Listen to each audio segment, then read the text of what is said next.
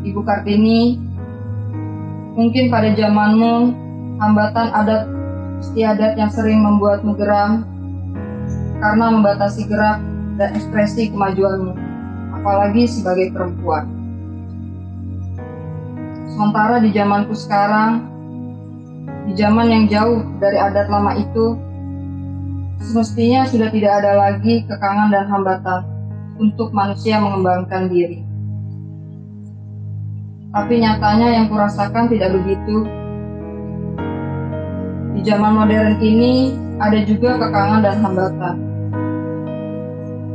Di zaman ini, zaman yang Ibu Kartini idamkan sebagai zaman baru, nyatanya membangun bentuk-bentuk baru, kekangan terhadap warga, terlebih pada perempuan. Di zamanku sekarang, bahkan sebelum ada pembatasan karena corona, ada banyak kekangan yang harus kami tanggung sebagai pekerja atau guru. Yang paling membuatku khawatir adalah kekangan dan hambatan untuk membangun serikat buruh. Padahal serikat buruh itu bagiku dan kawan-kawan adalah alat perlindungan. Juga tempat belajar beragam hal. Serikat buruh bisa menjadi sekolah yang mencerdaskan, sebagaimana juga sekolah yang Ibu Kartini rintis. setiap upaya buruh membangun serikat buruh yang serius membela hak sering bertemu dengan upaya pemberangusan serikat dari perusahaan. Terus, terus sikap pemerintah kami, mungkin Ibu Kartini sudah bisa menebak bagaimana sikap pemerintah. Kalau aturan hukum masih menuliskan pasar pelindungan bagi serikat dan aktivitasnya nyatanya semakin tidak bisa dirasakan bagi buruh. Pemberangusan serikat itu benar-benar terjadi, terus dibiarkan, dan bahkan menjadi model pengembangan usaha.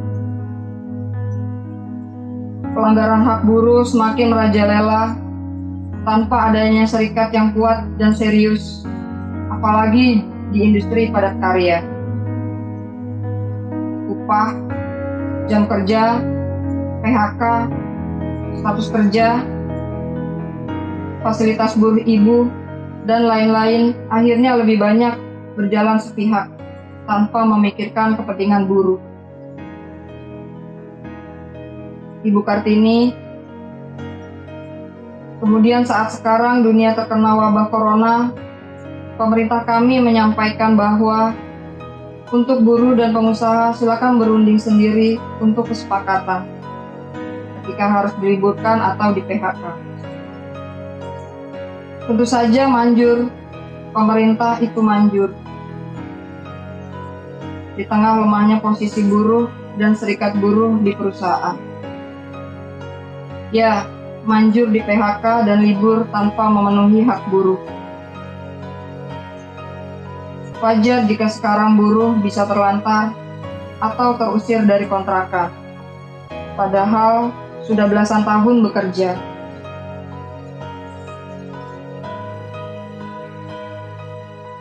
Perusahaan saat untung, buruh tak dihitung. Sementara sedang rugi, buruh hanya bisa gigit jari. Tentu keadaan ini tidak adil, dan kami para buruh perlu berserikat